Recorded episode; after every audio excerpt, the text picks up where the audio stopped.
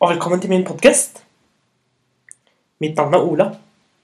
Og på denne podkasten, da forteller jeg eventyr. Jeg forteller eventyr hver dag. Mine eventyr, de er til deg. Og til alle andre som liker en god historie. Jeg syns det er veldig gøy hvordan eventyr har blitt fortalt og blitt forandret gjennom tidene.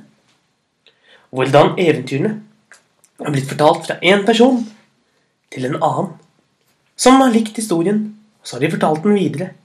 Slik har eventyret fortsatt å overleve gjennom flere hundre år. Det det syns jeg er veldig kult. I tillegg så forandrer eventyret seg hver gang noen forteller det. I dag i dag har jeg lyst til å dele med dere et eventyr fra Tyrkia. Og eventyret vi skal høre i dag, heter De tre fantastiske gavene. En gang for lenge, lenge siden da bodde det tre brødre på en, en gård. En dag så var, sa faren deres at nå var de blitt voksne. Nå var det på tide å reise ut i verden og se om de kunne finne lykken. De la i vei, ut, ut fra de kjente omgivelsene. De dro ut på landeveien og la i vei ut i verden. De gikk sammen, og de var gode venner. Og det var en god tone mens de gikk bortover. De snakket og undret seg over hva de kom til å møte på sine ferd. Når de hadde gått en god stund, da kom de til et veikryss. Og ved veikrysset, det delte seg i tre. Én vei gikk mot nord. Én vei gikk mot vest. Og én vei gikk mot øst. De tre brødrene stoppet og snakket med hverandre hva de skulle gjøre. Den eldste av brødrene sa, 'Jeg tror jeg skal reise til øst for å finne lykken.' Og den mellomste, han sa, 'Det høres ut som en god plan. Jeg, derimot, har jeg lyst til å reise til vest.' 'Jeg har lyst til å reise vestover og se hva jeg finner der.' Og den yngste broren, han sa, 'Og jeg, jeg har lyst til å reise nordover og se hva som venter meg på den ferden.'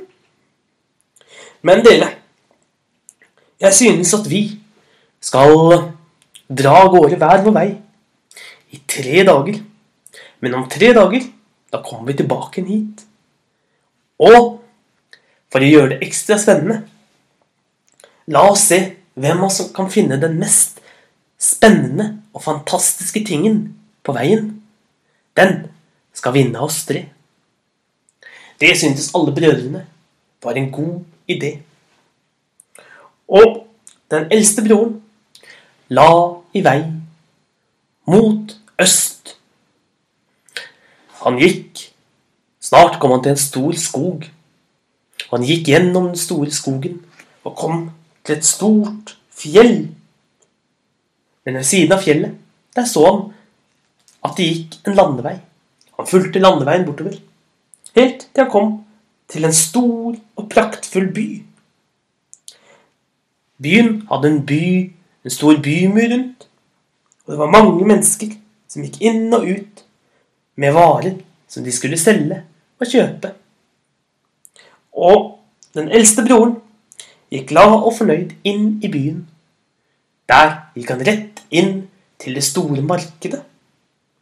Det var litt av et marked. Her solgte de urter, krydder, som duftet så deilig.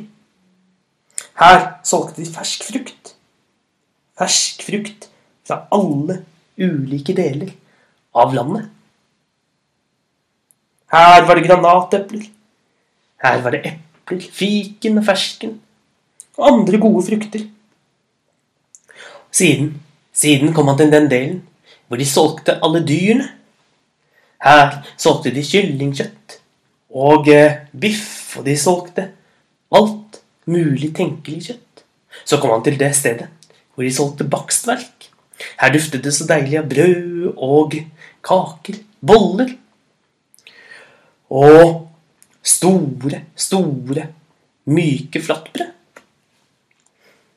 Han tok til seg alt av sanseinntrykk. Og for en fantastisk sted.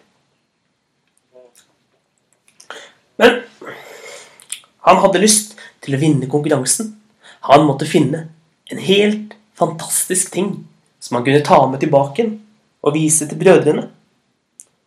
Så han gikk forbi alle matbodene, helt til han kom til en bod der det var lå mange rare ting utenfor. Det var mange gamle ting. Det var fullt av antikviteter.